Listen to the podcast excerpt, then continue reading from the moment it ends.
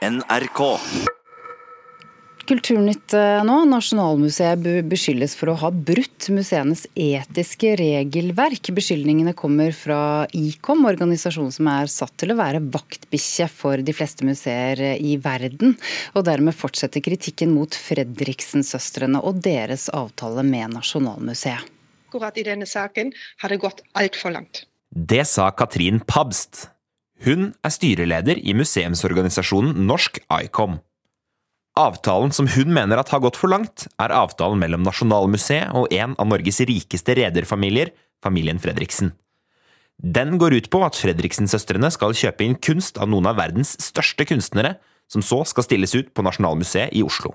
Det mest kritikkverdige er at en privat aktør har fått lov til å kjøpe seg innflytelse og kontroll over noe som burde vært forbeholdt utelukkende museumsfagpersoner. Pabst sier Fredriksen-søstrene har fått for mye innflytelse. Det går jo så langt at en kan mene noe om tekstene som publiseres, kan mene noe om hvor verk skal henge, kan mene noe om hvem som skal jobbe med samlingene. Slike ting burde ikke være bestemt av noen som uansett hvor mye bidrar med penger til eh, en museumsvirksomhet. Pabst sier at det i praksis ikke er sikkert at det blir like ille som det er på papir. Det kan godt være at uh, i realiteten blir det en god samtale, og, og eh, Fredriksen-søstrene eller deres bedrifter holder seg utenfor de faglige spørsmålene. Men på papiret i selve kontrakten har de altså fått veldig, veldig stor mulighet til å påvirke det faglige arbeidet i museet. Direktør for Nasjonalmuseet Karin Hinsbo sier at de har lagt reglene til ICOM til grunn i arbeidet med avtalen. Hinsbo mener at det er intensjonen i avtalen som er det viktigste. Fordi Her er det jo også viktig hvordan man, man leser og fortolker en avtale. og Da må man også øh, vektlegge begge parters øh, intensjon. Og Både Nasjonalmuseet og Fredriksen har vært tydelige på skillelinjene i samarbeidet, og også på ønsket om et langsiktig og godt samarbeid. Hinsbo er også uenig i at de har gitt Fredriksen-familien for mye innflytelse. Altså Her er vi rett og slett ikke enige. Altså Alt som skjer innenfor museets vegger, det er det museet som bestemmer over. Øh, og Om det ikke er mulig å ha en dialog med sin samarbeidspartner, så blir det veldig vanskelig for norske museer å samarbeide med private eller noen annen for den saks skyld. Norsk ICOM har bedt ICOM sentralt om en vurdering. Det er dem som til syvende og sist kan slå fast om Nasjonalmuseet faktisk har brutt reglene. Denne henvendelsen er foreløpig ikke besvart. Her er det vel mest ryddig av alle parter å avvente konklusjonen fra ICOM sentralt før man mener noe om det her. Hele ytringen til museumsorganisasjonen Norsk ICOM kan leses på nrk.no, og senere i dag eh, kan du også lese et svar fra Nasjonalmuseet, reporter Brage Lie Jord.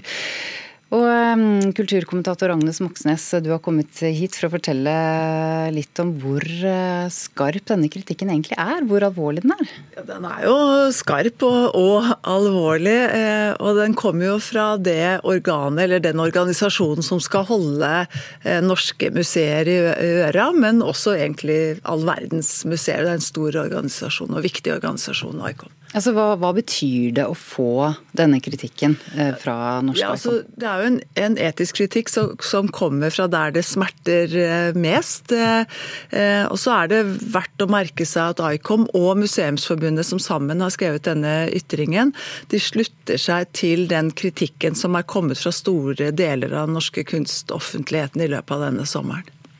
Hvem går kritikken eh, utover?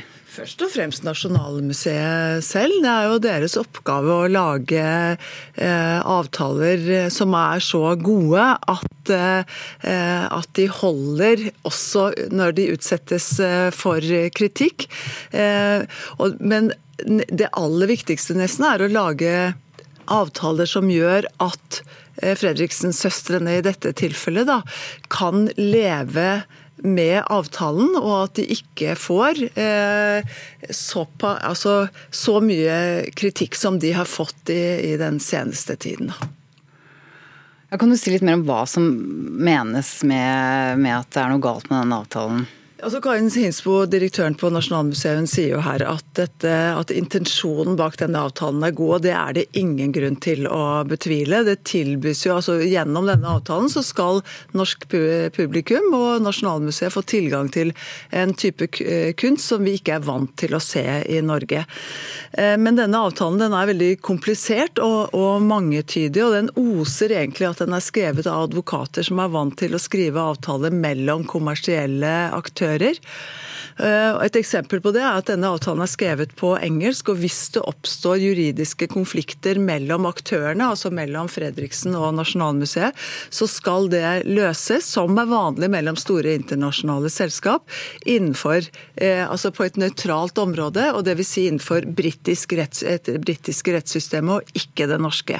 Og så er det en avtale som gir samlerne Fredriksen tilgang på kunstfaglig råd fra Nasjonalmuseet. Det gir dem tilgang til attraktive kunstnere, til museumsrabatter ved kjøp av kunst. Dessuten da rett til å påvirke hvordan utstillingene blir seende ut på det nye Nasjonalmuseet. Og alt dette her er ganske utfordrende for et offentlig museum. Mm, du mener altså at avtalen eh, er bedre for Fredriksen-søstrene enn for Nasjonalmuseet? Ja, i, i bunn og grunn så, så, mener jeg det. Kulturminister Trine Skei Grande sa jo bl.a. her i NRK eh, da dette ble kjent, at dette var en, eller er en fantastisk eh, avtale. Eh, hva tror du hun tenker nå? Altså, hun har jo sagt at hun ikke har lest avtalen, men det har helt sikkert departementet hennes eh, gjort. Eh, så de og Nasjonalmuseet, fagpersonene, altså ledelsen på Nasjonalmuseet, har jo gått god for denne avtalen. Eh, så, og Dermed så har jo liksom kulturministeren kunnet ropt høyt uh, hurra. Uh, men nå med den kritikken som kommer frem i NRK i dag, så stiller jo også hennes begeistring seg i et litt ubehagelig lys. Hvilke følger ellers tror du dette kan få? Ja, altså Ettersom Kulturdepartementet har gått god for denne avtalen, så vil jeg tro at eh, Nasjonalmuseets direktør Karin Hinsbo sitter trygt i, i, stolen. Men dette er jo ikke heldig for, museet, for et museum som har slitt med tillit i, i, mange år. Men det verste som kan skje med Nasjonalmuseet, er jo at også denne avtalen ryker, sånn som det gjorde med avtalen med Stein Erik Hagen. Kan eller bør avtalen reforhandles? Ja, I prinsippet ja, fordi at den skal jo være et eksempel på det regjeringen ønsker å oppnå nå, nemlig et bedre samarbeid mellom offentlig og private. Og I så henseende så bør jo en avtale med Nasjonalmuseet være et forbilde og ikke en kilde til kritikk og uro. Takk, kulturkommentator Agnes Moxnes.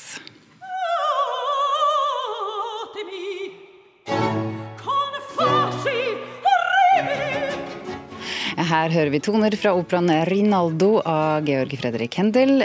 Men i en oppsetning, oppsetning av operaen i England blir en kvinnelig mezzosopran nå erstattet av en 28 år gammel mannlig tenor. Kulturreporter Petter Pettersen, hva har skjedd? Ja, er Glenborn Opera. De erstatter altså eh, mezzosopranen Elisabeth Dichong med den polske tenoren og breakdanseren eh, Jacob eh, Josef Olinski i hovedrollen som Rinaldo da, i, i Hendels opera med samme navn. Den amerikanske mezzosopranen Dichong hun trekker seg pga. personlige årsaker, skriver BBC News. Olinski han har tidligere hatt rollen som Otone i Hendels opera Agrippina Kina, og er også medlem av et, et breakdance-kollektiv kalt Skill, Skill Fantastics Crew. Kan du si litt mer om eh, hvilke konsekvenser dette får for oppsetningen? Eh, Jacob og Josef Olinski han skulle opprinnelig spille eh, Eustasio i oppsetningen, og han blir eh, derfor eh, erstattet der av Patrick Terry.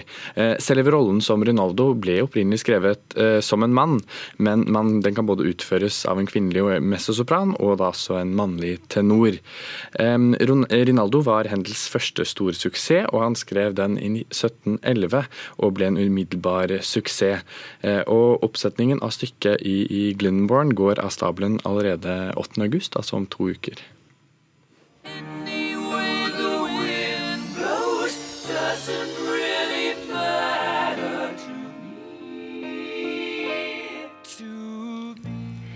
Queens eh, Bohemian Rhapsody har nådd en ny milepæl 44 eh, år etter at låten ble gitt ut. Eh, hvilken milepæl er det snakk om? Eh, låtas musikkvideo har, eh, har, nå blitt den eldste noensinne, som har nådd eh, en milliard visninger på YouTube, skriver BBC News i dag. Etter at filmen om, om bandets avdøde frontfigur Freddie Mercury kom i fjor, så har låta mm, Bohemian Rhapsody, som også da filmen het, fått en oppsving i antall strømminger. Og, og bandets gjenlevende medlemmer Brian May og Roger Taylor unnskyld, feiret altså denne milepælen med å Eh, laste opp en ny versjon av låta på YouTube. Takk, kulturreporter Petter Pettersen. Da skal vi til eh, sommerbyen Kragerø, for der eh, er det et utstillings-eldorado for kunst og kultur. Nå i sommer er det så mange som 23 utstillinger av billedkunst i kommunen. Det blir solgt kunst for millioner, og kultursjefen har aldri opplevd maken, sier han. Kunstnerne søker til den lille kystperlen igjen og igjen. Hva er det med Kragerø og kunst? Ja, hva er det? Jeg tror eh, jeg håper å si hele atmosfæren i byen her eh, vil jeg tippe tiltrekker seg kunstnere. Det er det ene. Og eh, du har litt god tid, ikke sant. Kan rusle rundt og få litt inspirasjon. Barbro Malmgren og Annelise Gjellum er sommergjester. Så jeg tenker på alle de små, koselige utstillingslokalene som er her er, egentlig. Vi sitter nå og ser ned til Fine Art f.eks.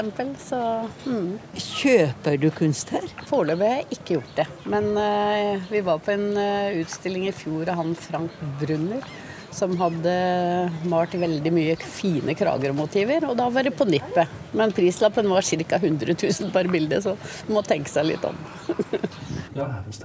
Gallerist Thomas Vartiainen driver galleriet Nicolines hus.